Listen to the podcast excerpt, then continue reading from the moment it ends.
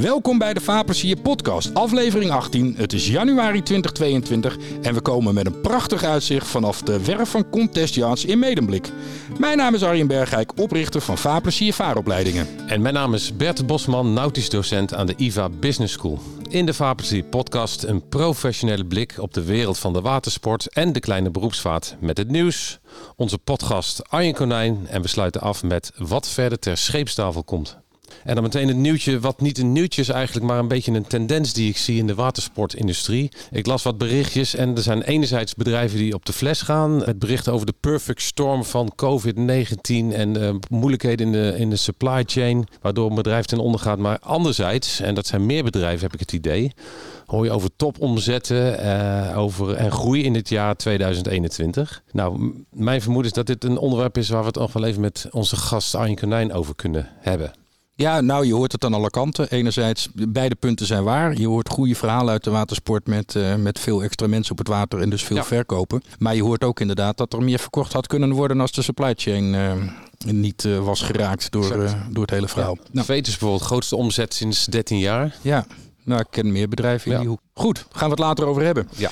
Mijn nieuwtje is dat we de Vapersier podcast tegenwoordig niet alleen online als podcast hebben, dus als audiopodcast, maar je kunt hem nu ook bekijken op YouTube. En we hebben in samenwerking met onder andere Watersport TV en meerdaagse sloepentochten.nl en ook beelden van onszelf hebben we allemaal leuke rustige vaartochtjes. Dus een actioncam voor op de boot en dan lekker een stukje ja. varen. En dat heb je dus als beeld onder de podcast. Dus dan kun je tegelijkertijd kijken en luisteren naar uh, alle gasten die wij gehad hebben. En de eerste 17 afleveringen die zijn dus nu ook te vinden. Ja, maar geen uh, middelbare mannen in beeld, hè? Niet nee, die koppen van ons. Nee, niet onze koppen in beeld. Dus één aflevering, nee, alleen een fotootje aan het einde. Ja. Maar verder zijn het dus gewoon vaarbeelden alsof je een tochtje aan het ja. maken bent en je op de boot zit. En in tussentijd luistert naar de zalvende woorden van ons en onze gasten. Ja, en dat zullen mensen ook doen uh, op de boot wellicht, de Vaarplezier podcast luisteren. En in de auto en tijdens het wandelen. Ja, maar als je in de auto zit moet je niet meekijken op YouTube. Nee, Dan moet je echt alleen luisteren. Precies. Ja. En uh, donderdagavond, middernacht of zo, was een, een piek of zo. ja, dat is nog steeds, nog steeds blijft dat een, een, een wonderwild moment om de podcast te luisteren. Ja. Wonderbaarlijk. Maar mocht je dat willen, dan kun je dus op YouTube kun je zoeken naar Vaarplezier podcast. Dan vind je de 17 afleveringen. Of je kunt natuurlijk ook naar vaarplezier.nl slash podcast. Daar staan ze ook allemaal. Kun je ze aanklikken en kun je ze bekijken.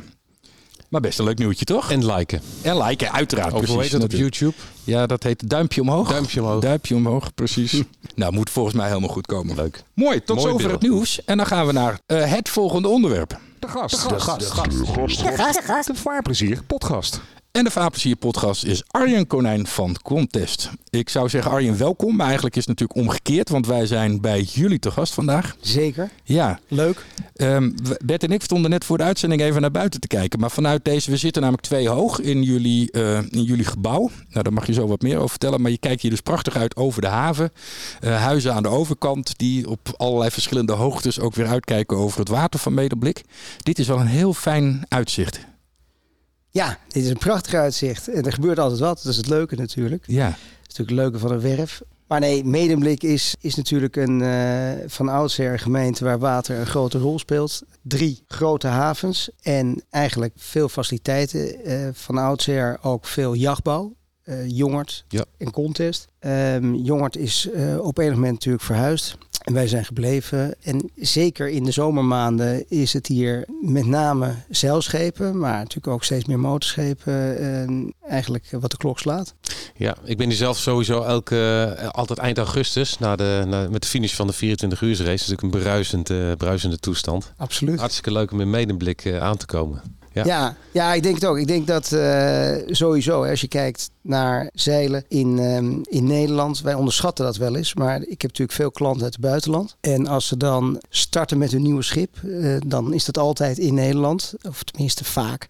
En dan uh, zijn ze op het IJsselmeer en dan gaan ze naar het Wat en dan komen ze terug en dan zijn ze zo onder de indruk van het feit dat eigenlijk al die havens hier in het centrum van die stadjes, ja. ik zeg nooit een dorp, hè, zeker niet het over Medemblik gaat, het is een stad. In het centrum van die stadjes uh, uh, zijn geïntegreerd, omdat het al zo lang natuurlijk met het water verbonden is, zeg maar deze omgeving. Dus ik denk wij onderschatten wel eens hoe bevoorrecht we zijn dat we in Nederland kunnen zeilen, varen, genieten van het water. Nou ja, er zijn ook Nederlanders zelf weer achtergekomen door, eh, door de pandemie. Uh, hoe mooi Nederland kan zijn en is vanaf het water. Uniek. Zeker. En, en diverse soorten water. Arjen, even de pandemie toch, daar komen we niet omheen. Het is 20 januari. we zouden eigenlijk helemaal niet moeten zitten natuurlijk. We zouden elkaar wel moeten kunnen zien, maar dan op de beurs in Düsseldorf kwam denk ik niet als een verrassing voor jullie, voor watersportondernemers, dat het niet doorging. Nee, het kwam voor denk ik niemand als een verrassing. Nee. Kennelijk alleen voor de organisatie van uh, Bo Düsseldorf.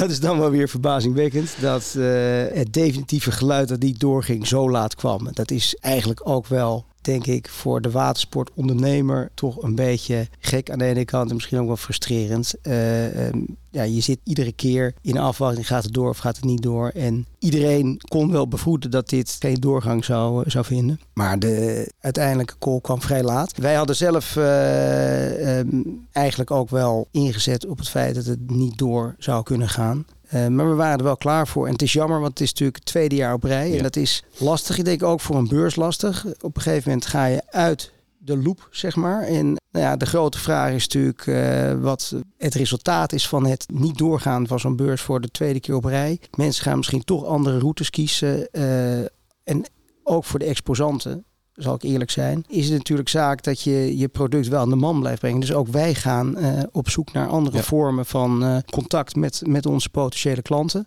En dat kan best wel eens goed uitpakken. En dan ja, is de vraag natuurlijk uh, wat de meerwaarde van, uh, van de bootshows op lange termijn zal zijn. Maar ik denk zelf, het is altijd een contactmoment. En, en iedereen kijkt ook wel weer uit naar Düsseldorf. Dus de grootste show ter wereld. Ja, het zou me verbazen als hij echt ten onder gaat. Maar uh, twee keer op rij is wel een, is wel een klap. Dus dat zou wel een consequentie kunnen hebben. Nou ja, ik denk uiteindelijk niet. Maar het is, het is wel een, een, uh, toch een beetje herschikking van de agenda. En ik denk ook dat voor de organisatie het misschien ook wel goed is om te beseffen dat de exposant is eigenlijk uh, het middel. Dat is eigenlijk waarmee de, de toeschouwers komen. Uh, en ik vind in ieder geval dat de exposant op een betere manier tegemoet getreden moet worden. Al gaat het, of het nou informatie is of, of uiteindelijk ook de invulling op termijn. En ik denk wel dat daar een soort kentering komt. Dat de exposanten zich bewust zijn dat er andere mogelijkheden zijn. En ja. Uh, ja. Nou, dat we iets kritischer kijken naar ja. uh, hoe dit allemaal tot stand komt. Ja. Vorig jaar, voorjaar meen ik, hadden jullie een eigen beurs met een aantal uh, collega's, collega-bouwers. Klopt. Ja. Is dat, zit het weer in de pen? Is dat weer een plan voor dit voorjaar? Absoluut. We hebben dat eigenlijk twee keer gedaan nu. Twee keer al. En geïnitieerd door uh, het feit dat de grotere beurs niet door konden gaan. En we zien eigenlijk dat het heel succesvol is. Je kan op een hele uh, natuurlijke manier kan je, je product laten zien. Er zit, uh, we doen dat eigenlijk zonder dat we toegang vragen. Dus, dus het is kosteloos, dus het is laagdrempelig. En ik merk dat ja, mensen het gewoon heel prettig vinden. Dat ze gewoon alle tijd hebben uh, en, en een hele relaxed omgeving. En je kan je product op een goede manier presenteren. Ja. En ook de kosten voor de exposanten zijn natuurlijk veel lager. Dus ja, ik denk het sfeertje is, is vaak goed. Alleen al omdat uh, iedereen er zin in heeft. He, want uh, het feit is dat we, ja. dat we wegen zoeken. En nou ja, dan kunnen we weer ons product laten zien. En dat geldt ook voor, voor de collega's. Ja, en dan uh, merk je dat je best snel een goed format hebt. Ja. Dus we gaan, dat, uh, we gaan het dit voorjaar zeker weer doen. En, en komen de beoogde mensen, de, de, de mensen die je voor ogen hebt? Of komen de mensen lekker op de werf kijken bij de mooie bootjes en uh, voor een bak koffie en een plastic tas met folders? Ja, dat vind ik altijd lastig. Maar ook die mensen, die heet ik graag van harte welkom. Want, want feit is dat niet iedereen een, die hier komt een boot koopt. Dat is jammer. Aan de andere kant is het ook maar goed ook. Want anders zouden we ook niet weten waar we vandaan vertalen. maar de, de realiteit is dat uh, we ook trots zijn op wat we hier doen. Dus we vinden het ook heel leuk om mensen te laten ja. zien hoe we hier boten maken. En dat we dat hier helemaal in Nederland doen. Dat wordt nog wel eens vergeten. Mensen denken, nou ja, ik heb wel eens mensen die denken dat, dat het een verkoopkantoor is. Of uh, dat we uh, assemblage doen, het laatste deeltje hier. Maar het leuke is, je kan hier van A tot Z, dus echt van begin tot eind, composiet tot afbouw, kan je hier zien. En je loopt eigenlijk door alle fases heen. En ja, dat vinden mensen fantastisch. Dat je het vakmanschap nou ja, letterlijk kan voelen. En dat is, dat, is, uh, dat is leuk. En daar vinden we ook altijd uh, binnen onze eigen medewerkers ruim zeg maar, animo voor om dat te laten zien en, uh, en mensen welkom te heten. Dus nee, er zitten absoluut mensen bij die, die komen alleen om te kijken. Maar er zitten aan de andere kant zitten er ook altijd onvermoede mensen tussen die uh, daadwerkelijk geïnteresseerd zijn en uh, graag willen zien hoe iets gebouwd wordt. En dat kan het laatste stapje zijn, of het kan ja. een stapje in het proces zijn. Of misschien zelfs weer in gesprekken met andere mensen. Van goh, ik was vorige Precies. maand bij Contest en dat was leuk om te zien. Oh ja, verdorie, ja. dat is ook inderdaad leuk om over na te denken. Ja. Nee, dus ik denk dat uh, vanuit de trots die we hebben met betrekking tot het product die we bouwen, zijn dit altijd goede mogelijkheden om, uh, om mensen door de werf te leiden. Ja, leuk. Hey Arjen, even een stapje terug, want we hebben het nu over Contest anno 2022. Uh, hoe zijn jullie ontstaan? Wat is jullie eigen, en dan heb ik het meer over jou ook als persoon, jouw feeling met de watersport? Uh, nou ja, we zijn ontstaan vanuit uh, een soort ambitie van mijn uh, grootvader, die vervent zeiler was. En die, die bedacht op een moment dat hij zelf wel een boot wilde bouwen. En dat heeft hij ook gedaan. Dat was nog geen contest. Dat was in een hoekje op, op een houtwerf, een houthandel. En daar is hij van hechthout een boot gaan maken. En dat, dat smaakte kennelijk naar meer. En toen kwam hij in aanraking met uh, polyester. Dat zei hij toen nog, nu is het composiet natuurlijk. Het klinkt een stuk interessanter. En toen is hij eigenlijk in serie kleinere boten gaan maken. De eerste uh, boten zijn in ieder geval officieel nog uit Alkmaar gekomen. Maar al vrij snel is dat verplaatst naar Medemblik. En zijn hier uh, hallen neergezet waar echt in serie grote hoeveelheden contesten zijn gemaakt. En uh, van een 25 tot een 48 in die tijd. En alles wat daartussen zit. Ja. En ja, die werden toen al verkocht naar Amerika, naar Italië. Een paar hele goede agenten. Ja, en dat, dat ging in die tijd keihard. Dus de aantallen die hij heeft gebouwd, die, die heb ik nog nooit gerealiseerd. Dus uh, wat dat betreft is het natuurlijk pure achteruitgang.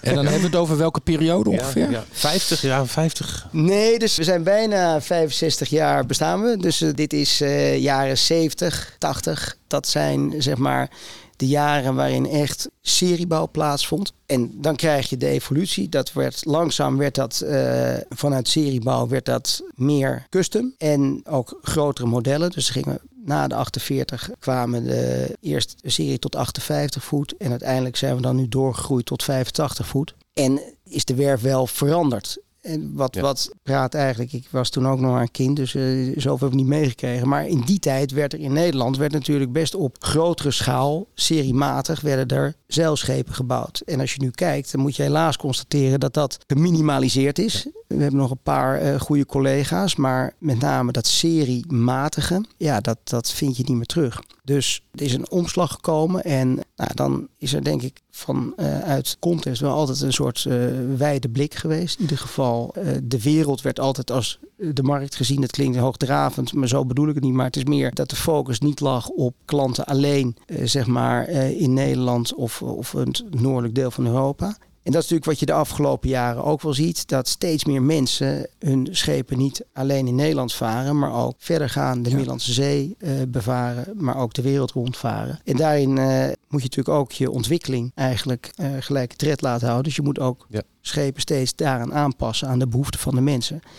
En ik denk dat dat door de jaren heen ook wel een soort leidraad is geweest. Want jij gaat je vraag nog een keer herhalen, hè? want die ben ik natuurlijk al lang kwijt. Volgens mij was, nee. een, deel van de vraag, volgens mij was een deel van de vraag ook wat dan uiteindelijk mijn... Uh, uh, ja. Nou ja, kijk, dat, dat is wel het onderdeel wat ik toen ik begon. Toen zaten we net op, die, op dat omslagpunt. Dat de zeilers die zeg maar ons soort schepen kochten. En met ons soort schepen bedoel ik dan eigenlijk kwalitatief wat hoogwaardige zeiljachten. Die uiteindelijk geschikt zijn ook voor grotere tochten. Uh, vaak met kleine bemanning. Eigenlijk de gedachte dat je met z'n tweeën een schip kan varen. Nou, dat soort schepen, daarvan kwam er op een gegeven moment een omslag. En dat zie je ook terug in uh, de ARC. Uh, dat is de, de rally waarmee ja. je eigenlijk de oversteek maakt naar, uh, naar het Caribisch gebied vanuit, vanuit Europa. Dat dat een enorme nou ja, vlucht nam. Vlucht nam. Ja. En toen was eigenlijk een soort omslagpunt dat de Noord-Europese markt, waarbij je eigenlijk altijd gewend was, ja, we gaan varen, maakt niet uit hoe, kleine kuipjes, nou ja, beneden zat je knus, uh, olielampje, geen licht, steile trap naar beneden. Die omslag kwam toen wel dat die schepen eigenlijk ook geschikt moesten zijn voor, voor de Middellandse Zee. Toch de zeewaardigheid moesten hebben om een oversteek te kunnen maken, maar dan ook in het Caribisch gebied geschikt moesten. Dus er kwam uiteindelijk meer lifestyle kwam er aan te pas. En dat was niet per se gericht op koude, nat zomers, maar juist op, op het leven aan boord. Nou ja, daar zit een aanpassing in. En ik zeg altijd, ja, kwaliteit en comfort, dat zijn de begrippen waarmee wij altijd worden uh, uh, gelinkt. En ik denk dat dat ook heel prettig is, want dat zijn natuurlijk wel de uitgangspunten die we nooit hebben losgelaten. Zeker kwaliteiten. We bouwen in Nederland, dus mensen verwachten ook dat we een hoge kwaliteit leveren. En dat moet dus ook. Maar we zijn wel daaraan toe gaan voegen, design en performance. En, en dat zijn wel de elementen die uh, steeds meer nadruk hebben. Dat zie je ook in onze partnerships. We hebben altijd met een uh, nevel architect gewerkt. En degene met wie we nu werken is Judo Vrolijk. Gelukkig een Nederlands tintje aan. Uh, maar is wel bij uitstek een, een architect, een nevel architect bureau van naam. Waarbij uh, zij heel goed aanvoelen hoe de mix tussen performance en comfort, hoe dat zeg maar ook evolueert. Dus, dus performance is steeds belangrijker. Maar mensen willen nog steeds graag onafhankelijk kunnen zijn, met z'n tweeën kunnen varen. En dat gaat best ver. Dat gaat ook uh, zover dat het op een, een 67-voeter nog steeds moet kunnen. Nou, en dan heb je toch uiteindelijk een andere invulling dan uh, je dat uh, 20 jaar geleden had, zeg maar. En dat is natuurlijk eigenlijk iets, als je niks doet, dan verlies je uiteindelijk toch uh, een groot deel van de markt. Dus ja. je moet steeds blijven innoveren. Dat is ja. ook wel vermoeiend, maar ja. ook leuk. Uh, aan blijven staan. Er zat er een, een, een moeilijkheid in? Uh, lifestyle, dat betekent dus bredere, grotere kuipen. En bijvoorbeeld veiligheid zijn zeegaande, oceaangaande jachten. Daar zit een, natuurlijk een beetje frictie. Ik heb wel Italiaanse jachten gezien in de European Yacht of the Year. Als je een helling ging maken, dan zat je gewoon in een afgrond te kijken van, van vier meter breed. Ja. Dan kon je als, op, op je kont uh, vier meter naar beneden glijden, zeg maar. Dus dat was heel veel lifestyle, maar met golven dat... Ja, nee, dan... dat klopt. Dat is natuurlijk ook... Nou ja, daar komt die mix. En het grappige is, kijk, als, als Italiaanse bouwer heb je een andere insteek dan wij gewend zijn. Hè? Dus wat ik eigenlijk net zei, vroeger, wat ik me kan herinneren, daar gingen we naar de, naar de boot. En dat was ieder weekend, weer of geen weer. We hadden ook altijd een doel, dus daar ging je heen. Ook weer of geen weer. Nou ja, dus dat was eigenlijk uh, op een leuke manier afzien. Maar je bent natuurlijk gek als je in Italië woont en je hebt een prachtige dag. Ja, dan ga je ja, zeilen. Precies. En als het regent, gaat daar echt niemand zeilen. Nee. En de Nederlanders die in Italië liggen, die gaan dan naar buiten. Ja, die zie je ook iedereen kijken, wat, wat, wat gebeurt hier? En dat is natuurlijk precies wat je ziet met dat soort uh, toch meer mediterrane schepen. Ja, dat is echt wel gericht op mooi weer. Ja. En, een, en een prachtig windje. En dan uh, ja. het anker eruit. En dan heb je heel veel als een breed achterdek. Ja, dus daar zie je wel een, ja. een, een cultuurverschilletje misschien. En wij, wij blijven natuurlijk wel vasthouden aan die kernwaarden. Dus dat, dat, ja, dat laten we niet snel los. Ja. Ik ga aannemen dat zeilen jouw favoriete vorm van watersportbeleving is. Of doe ik dat te kort door de bocht? Nee, dat klopt. Ik zit even ja. te denken, wat we, ja, zwemmen vind ik ook leuk, maar dat, dat zou je niet bedoelen. Maar nee. Ja, je zou ook nog kunnen motorboot varen. Ik zou ook motorboot kunnen varen. Je zou kunnen suppen, kitesurfen, ja. speedsurfen, foilen. Ja, ja zijn natuurlijk nou best een aantal. Ik, ik, zou eigenlijk, het liefst zou ik misschien ook wel willen kiten, willen foilen. Maar ja, dat is wel een beetje qua tijdsbesteding hm. uh, is het gewoon lastig. Maar Zeilen geeft me nog steeds heel veel voldoening. En doe je dat nog regelmatig zelf ook of niet? Ja, nou ja, professioneel natuurlijk. Ja. Dat is dus... Uh, ja. En dan bedoel je met klanten? Dat bedoel ik met klanten. Ja. En ik zeg professioneel, maar ik vind het ook heel leuk. Dus dat, ja. maakt niet, dat, dat zie ik ook als het heel leuk deel van, uh, van datgene wat ik doe. Maar daarnaast probeer ik ook zoveel mogelijk met mijn gezin te varen. Ja. Dus uh, er zit altijd een uh, vakantie in dat we met z'n vijf varen. Dat is natuurlijk op het eigen product, dus ook goed. Ja. goed en om waar, te testen. waar is dat meestal? Nederland of verder? Nee, nou eigenlijk de laatste jaren is dat in Scandinavië. Dus Noorwegen, Zweden, Denemarken toen we nog geen kinderen hadden, was het in de Middellandse Zee. Maar eigenlijk, zal ik heel eerlijk zijn, als je kinderen hebt, dan zit je aan de vakanties vast. En dan is de Middellandse Zee natuurlijk uh, overbevolkt. Ja. Uh, bloedheet. En uh, nou ja, dan ben je eigenlijk alleen maar met, met telio aan het smeren. En dan kunnen ze nog niet zwemmen. En nou. terwijl we gaan naar Scandinavië. En ik moet eerlijk zeggen, dat weten mensen ook met wie ik altijd praat over vakantie. Scandinavië is fantastisch. Mijn vader is helemaal Scandinavië-fan. Maar ik merk wel, ik kom nu natuurlijk uiteindelijk, uh, tenminste de kinderen komen te leven, dat ze ook wel wat meer actie willen. Dus ik denk dat het op een gegeven moment wel weer Middellandse Zee wordt. Maar zoals gezegd, de uh, afgelopen twee jaar door omstandigheden in Nederland uh, aan boord gezeten. En dat is ook fantastisch. Ja. En het liefst ja. hebben we nog in het voor- en na-seizoen hebben we nog een, een weekje. Het is wel zo dat, dat stiekem toch veel weekenden worden opgesnoept uh, met bootshows. Of uh, we hebben onze Contest Cup, uh, die varen we in Medemblik, die varen we in Palma. Dus er zijn best veel weekenden die ook stiekem druk zijn. Ja. Druk zijn. Kunnen we ook een rally verwachten van contesten? Echt de oceanen over, of zoals Oyster doet zelfs een rondje om de, om de globe, om de wereld. Ja, nou ja, kijk, dat, die, dat is natuurlijk wel grappig. Hè? er bestaat zo'n rally, ook voor mensen met allerlei soorten schepen. Het lastige van een rally is dat je wel in een enorm keurslijf wordt geperst. Want nou ja, je hebt de startdatum en vervolgens moet je uh, ergens zijn. En dan ga je ook weer weg. En het zal toch maar heel leuk zijn daar. En dan moet je door. Of dat je klachten krijgt uh, van deelnemers omdat je niet weg kan omdat de windkracht 9 waait. En dat, je, dat jij dan als organisator de schuld krijgt. Ik noem maar wat. Nou ja, er zijn, er zijn allerlei... Uh, natuurlijk dingen die kunnen gebeuren als je dit organiseert. En ik denk dat het op een of andere manier niet zo goed past bij de Nederlandse geest. Hè. Ik bedoel, er zit altijd een enorme vrijheidsdrang. Wij bepalen wel wat we gaan doen. dus uh, vanuit dat perspectief is het ook niet iets wat uh, uh, direct bij ons opkomt. Ik denk wel dat er een behoefte aan is aan, aan een, toch een soort dat je ergens op kan terugvallen als je zo'n reis maakt. De realiteit is dat we natuurlijk best veel mensen hebben die rond de wereld varen. En eigenlijk gaan ze allemaal toch voor hun eigen route. En die vrijheid, dat is eigenlijk ook de vrijheid die je zoekt als je een boot koopt. Dat is mijn stelling.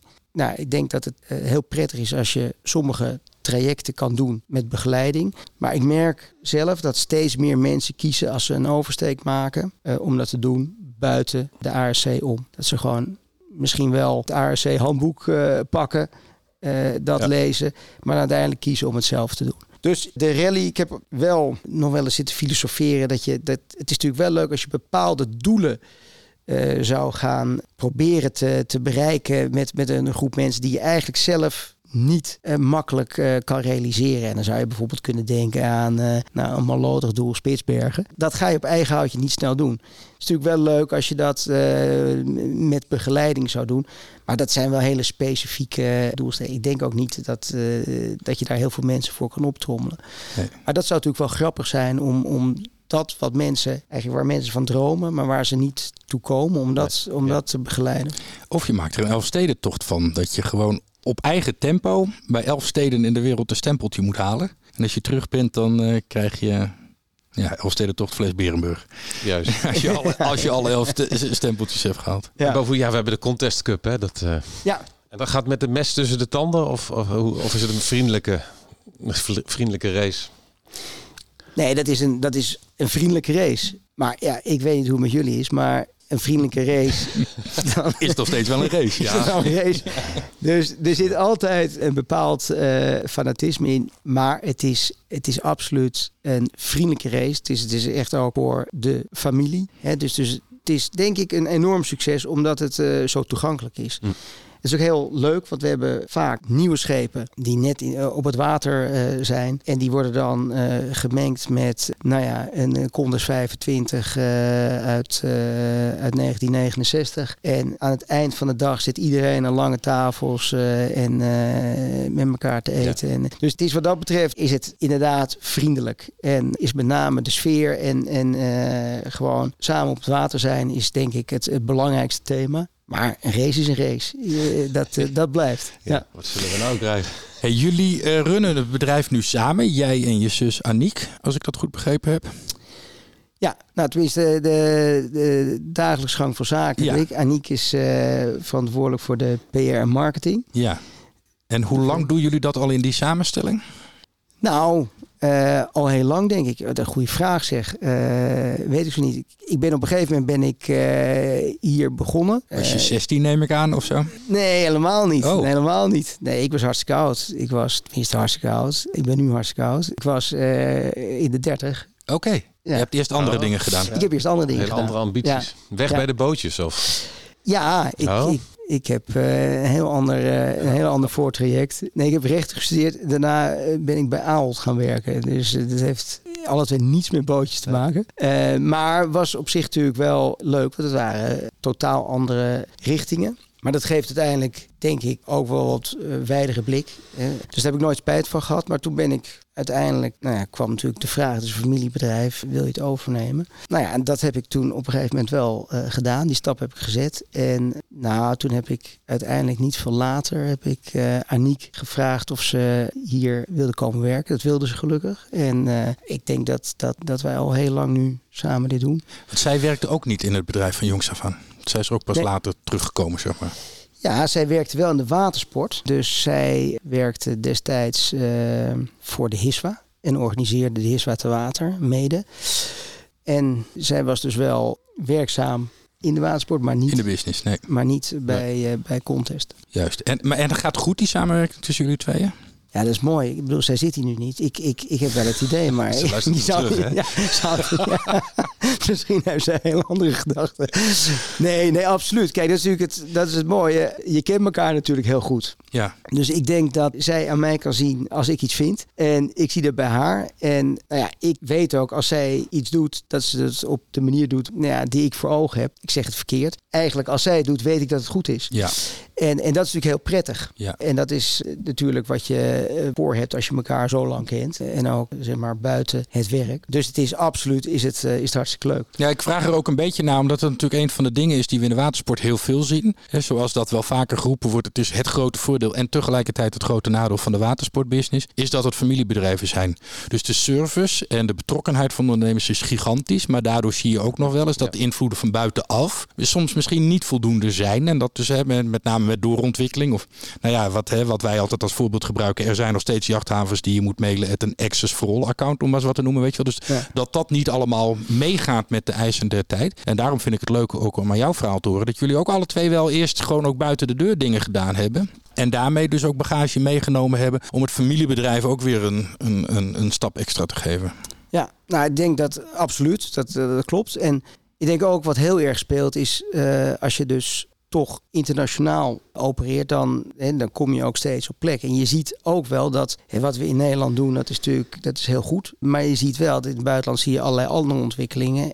En we hebben natuurlijk heel veel klanten die met hun eigen wensen bij ons komen. Dus we worden ook iedere keer geconfronteerd met de vragen van nu. En stilzitten kan gewoon niet. Hè? Dus we worden ook gewoon gedwongen om, om mee te gaan in allerlei ontwikkelingen. En ik denk dat dat, nou, als je kijkt wat is nou het bestaansrecht. Uh, nou ja, dan is dat misschien wel bestaansrecht dat je door blijft innoveren, dat je niet stil gaat zitten. En die informatie, komt dat ook veel van klanten? Ik neem dat maar zo aan, maar jullie zijn in continue dialoog met jullie eigenaren, de contest-eigenaren? Ja, nou ja, dat, dat is denk ik, dat is absoluut waar. Dus, dus klanten komen hier omdat ze weten dat we mee willen denken. Dus hè, dat zit in het semi-custom aspect. En dat betekent dus dat ze ook inderdaad met hun eigen ideeën komen. En dan ga ik uh, in ieder geval zeggen dat niet ieder idee hier gewoon ook wordt uh, ingewild. Maar het is wel zo dat we daardoor de trends meekrijgen. En bij iedere nieuwe ontwikkeling zie je dan ook dat heel veel van die trends in zo'n design terechtkomen. En uh, nou ja, we hebben dan nu een, uh, een nieuwe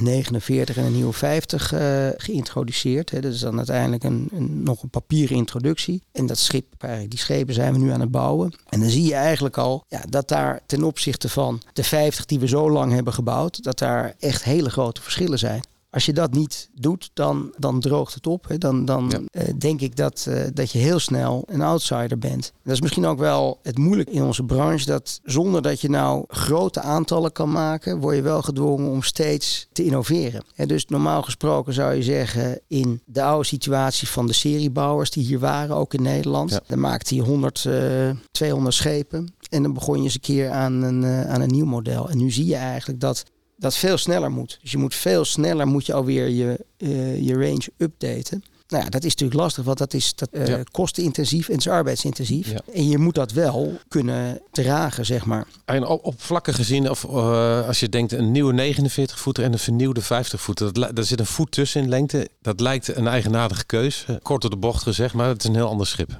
Ja, Nou wil je natuurlijk weten waarom in het anders schip. Ja, maar dat zou ik ook uit, uitleggen. nee, ja, dat is eigenlijk het grappige. Kijk, we hebben op een gegeven moment hebben wij een 42 geïntroduceerd. Ja. En dat was voor ons toen een nieuw concept, een achterkuip. Dat hebben we in het verleden ook wel gedaan. Maar in de tijd schoof het eigenlijk steeds verder op. De schepen werden steeds groter. En dat waren eigenlijk, eh, nou ja, center cockpit schepen, zoals dat heet. Dus eigenlijk middenkuipers. Met die ontwikkeling die we net al hebben genoemd van schepen die toch naar ander soort gebieden gingen werd de behoefte ook groter om die kuipen zeg maar beter toegankelijk te maken, ruimer. En kregen we eigenlijk een soort hybride vorm, noem ik dat dan maar. Eh, dus in het interieur is het dan een middenkuiper. Dat betekent dat de eigenaarshut achter zit. Maar dat de kuip meer open is. De stuurwielen gaan verder naar achter. Dus je krijgt uiteindelijk wel een beetje een aft cockpit idee als je op het schip staat. Dat is ook wat mensen prettig vinden als ze aan het zeilen zijn, dat ze iets verder naar achter staan. Nou, als je dat op een kleiner schip wil eh, realiseren, dan, dan moet je naar een echte achterkuip. En toen hebben we dus de 42 geïntroduceerd. En dat was een vrij succesvolle 42. Eh, European Boat of the Year eh, werd eh, US Boat of the Year. Dus daar hebben we veel schepen van verkocht. En daar heb je eigenlijk heb je een ander soort inrichting. Je hebt een eigenaarshut die voorin zit en je hebt je gasthut achter. En als je dat vertaalt naar een 50 voeter, dan is daar een specifieke markt voor. Van de andere kant is ook nog steeds een specifieke markt voor het echte center cockpit idee, waarbij je met name een owner's cabin in de aft hebt. En die twee, die kan je niet in één type krijgen. Dus het Nee. zijn twee verschillende schepen. En de een is een 49 geworden, de ander is een 50 geworden. Vandaar. En- ja, vandaar. Ja. En eh, dus dat is eigenlijk, daarmee denken we dat we twee doelgroepen kunnen bedienen. Die alle twee op zoek zijn naar een kwalitatief hoogwaardig schip, comfort. Nou ja, en dan design en performance. Ja. Nou ja, als je, het, als je beide schepen bekijkt, zie je ook echt, het is ook een, eh, ja, die hebben een ander karakter. Zowel interieur als exterieur. Het zijn dus eigenlijk twee verschillende lijnen, min of meer. Ja. Soort van. Ja, het zijn twee verschillende lijnen en, en beide wel gericht op specifieke wensen van de klant. Ik, ik zie voor me dat zo'n het gevoel van een eh, iets meer gesloten cockpit. Hè, als je met z'n tweeën de wereld rond zou willen varen, dan geeft dat wel een extra dimensie, ook in de zin van veiligheid. En dus dat is iets wat je ook bij ons in het verleden ziet. De, de 50 maat is de maat die het meest geschikt is om met z'n tweeën toch grotere tochten te maken. Dus dat concept van de, van de 50 zoals die was, dat is een, een, een, toch wel een klassieker bij ons. Hè. Die heeft eh, bijna 20 jaar hebben die verkocht en gebouwd. Eh, ja, daar is behoefte aan, aan zo'n soort schip. Aan de andere kant merk je ook dat er, en ik denk dat eh, dat zit ook in dat mediterrane, maar dat zie je ook in, eh, in Nederland ontstaan, dat mensen ook willen leven op een schip en dat dek ook op een andere manier gaan gebruiken. En die 49 heeft een heel ruim achterdek, zonder dat het een put van 4 meter is. Maar eh, het is wel een ruim achterdek. En je ervaart daarin, eh, zeg maar, eh, met, met, met een zwemplatform en een, en een dingy garage. Eh, dus dat zijn elementen die je niet kan realiseren als je een eigenaarshut in, in het achterschip hebt. Ja. Dus dat is een beetje eh, het- de reden dat we echt twee modellen hebben. En is dat op dit moment een beetje 50-50 in de verkoop? Of is een van die twee echt veel populairder dan de ander? Nou, omdat we natuurlijk, we hebben een voorsprong met het 50 concept Ja. op zeg maar de iets traditionelere eigenaarshut achtervariant. Achterin, ja. Maar ik denk dat de 49 eh, inderdaad bijna gelijk op kan gaan als, als het gaat om, om aantallen. En misschien wel als je het zuidelijk deel van Europa meeneemt eh, en de potentie die daar is, dat het misschien nog wel eens een, een, eh, een groter succes kan worden. Maar dat, de tijd zal het leren. Ja. Ja. En op jullie site staat eh, Building Dreams Together.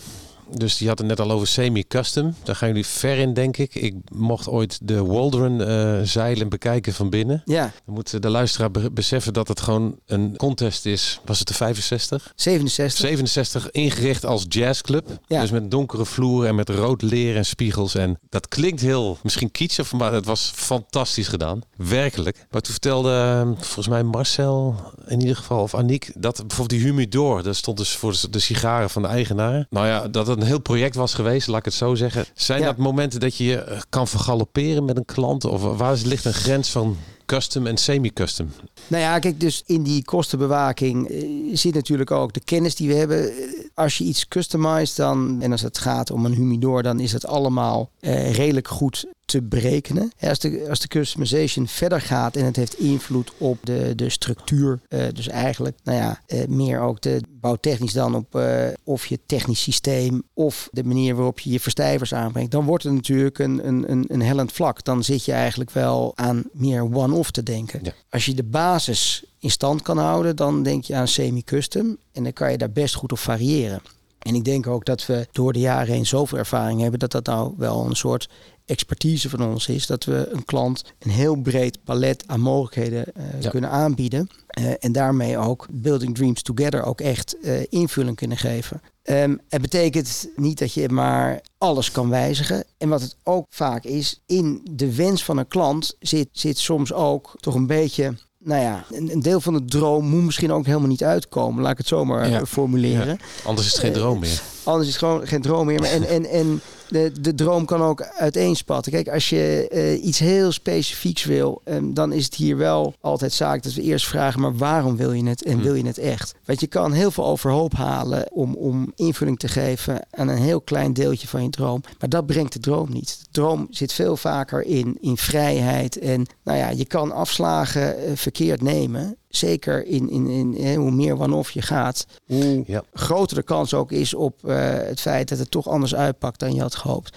Dus wij zeggen eigenlijk die standaard die is ontstaan uit heel veel zeg maar wensen van heel veel klanten. En wat overblijft is vaak al heel erg goed. Maar ik kan me heel goed voorstellen, kijk, het voorbeeld van de jazzclub, dat geeft invulling aan inderdaad een droom, uh, zoals deze eigenaar graag uh, zeg maar zijn, zijn vrije tijd uh, inricht. Ja, dat kan je natuurlijk echt heel goed doen. Ja, dat is Building Dreams Together. En het goed luisteren is denk ik een heel belangrijk onderdeel van Building Dreams Together. Met goed luisteren bedoel ik dat je ook echt probeert te verplaatsen in een klant. En nou, dat is de manier waarop we hier bouwen. We hebben de tijd voor de klanten. We hebben het proces eigenlijk helemaal hier onder controle. Dus we kunnen ook uh, heel veel. En we kunnen ook goed met klanten zo'n traject inrichten. Dat is wel onze, ja. onze kracht. Goed luisteren, maar je zegt ook uh, de goede vragen terugstellen eigenlijk op, op ja. die dromen van de klant. Ja, ik denk dat heel veel mensen die zelf een boot bouwen of in een one-off traject belanden.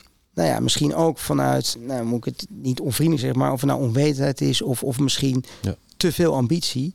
Afslagen nemen die uiteindelijk niet het plezier uh, opleveren wat ze eigenlijk vooraf hadden gedacht. Ja. Ben je wel eens tegen een vraag aangelopen waarvan je dacht, nou dit moeten we echt niet gaan doen?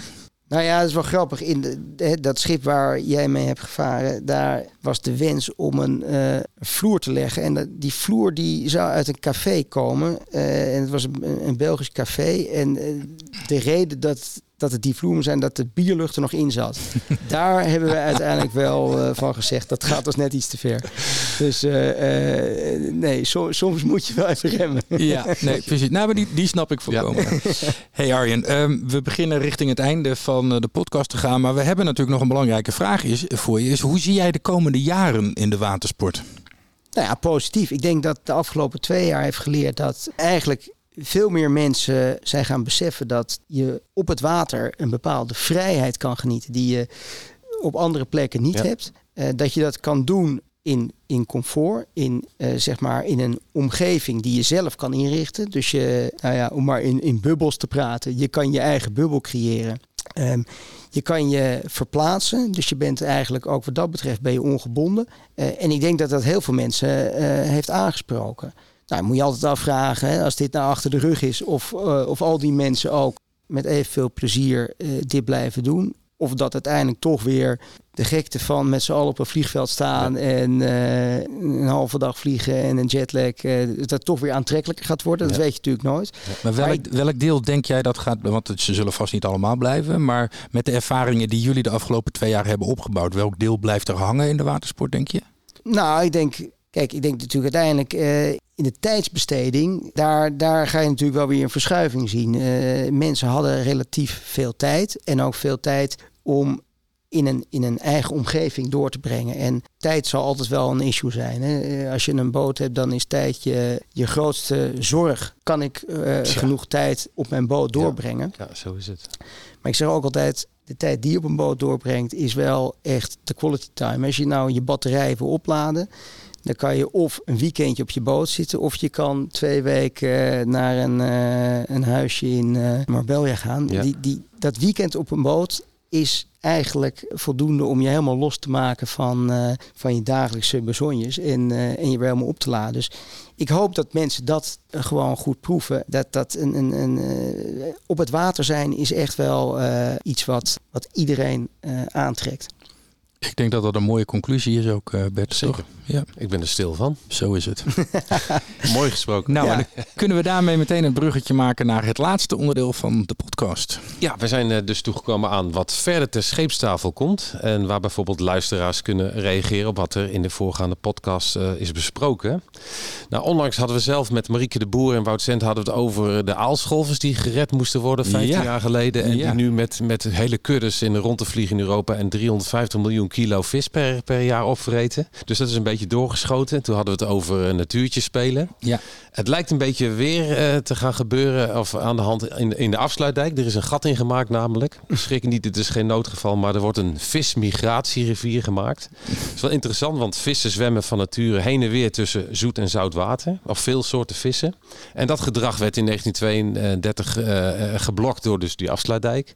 Maar die is dus nu open, dus een coupure wordt het genoemd. En met eb en vloed, door eb en vloed invloeden komt er zoet water in de Waddenzee en zoutwater bij hoogwater terug in de Ah, in, eh, in het eh, IJsselmeer via een soort meanderende kunstmatige eh, rivier waar brak water is.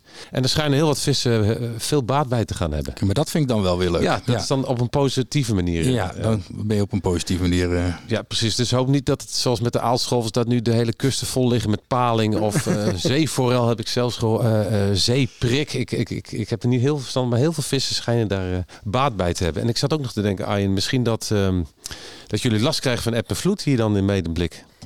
Nou ja, ja, dat, dat, ja, dat ja. wel een heel groot gat worden. Ja. Ja, precies. Het is maar Ja. een... eh, Nou ja, er was hij vroeger. eh, Ja. Ik bedoel, en vloed is, Ja. eh, is, is eh, natuurlijk bekend Ja. eh, terrein hier eh, op het IJsselmeer. Maar een, een tijdje terug. Maar als je Tijdje terug. kijkt, dan zie je nog overal zie je ook muren staan. Ja, ja, En eh, dan zie je zelf dat je die muren kan afsluiten. Dat was uiteindelijk voor de stormvloed. Ja. Dus, en ieder, ieder, ieder stadje aan het IJsselmeer heeft een visafslag. Maar ja, dat is natuurlijk allemaal eh, veranderd toen de dijk kwam. Ja. Dus ik denk dat eh, misschien er weer heel veel vissers eh, eh, wakker worden en eh, eh, Ja. aan de slag gaan. Zou gaan, leuk die zijn. gaan allemaal aan het einde van dat riviertje gaan ze nu allemaal met hun hengels en hun, en hun netten Ja. zitten. Ja, precies. Oh, geen Goed. schijn van kansievis. Ja. Nee, precies. Jammer dat. Goed, we komen aan het einde. Arjen, enorm bedankt voor eh, jouw tijd en eh, je aandacht en het warme welkom eh, Ja. hier in Medemblik. Ja, en ik wil iedereen uitnodigen. Hè. Wat ik al zei, je kan altijd langskomen. Iedereen mag hier kijken wat we aan het doen zijn. En ik heb van jullie begrepen dat veel professionals luisteren. Dus Ja.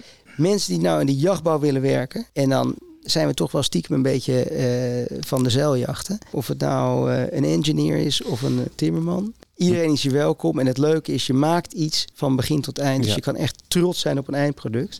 Mooi En op. eh, ja. eh, Ja. nou, ik hoop dat, eh, dat er veel mensen komen. Zo is Nou ja, het. We gaan het meenemen. Wij zijn sowieso eh, jaarlijks welkom op de werf met, om- met eh, IVA-studenten. En die kijken hun Ja. ogen uit. Ja, Die zijn echt onder de indruk. Ja. Want eh, het zijn levendige mensen vaak. Want die staan echt eh, met, met grote ogen te kijken naar de productie hier. Fantastisch. Leuk. Goed. Tot zover deze aflevering van de Vaanplezier podcast. Je kunt de voorgaande afleveringen terugvinden in je favoriete podcast app of op vaanplezier.nl slash podcast. Ja, en vergeet je niet te abonneren op de podcast. Bijvoorbeeld in Spotify, Apple Podcast of elke andere podcastplayer. Heb je vragen, suggesties, opmerkingen, verbeteringen of wil je iets anders kwijt? Mail ons op podcast.vaarplezier.nl De Vaarplezier podcast is een initiatief van Vaarplezier Vaaropleidingen met medewerking van de IVA Business School. Voor nu hartelijk dank. Zijn naam is Bert Bosman. En zijn naam is Arjen Bergijk.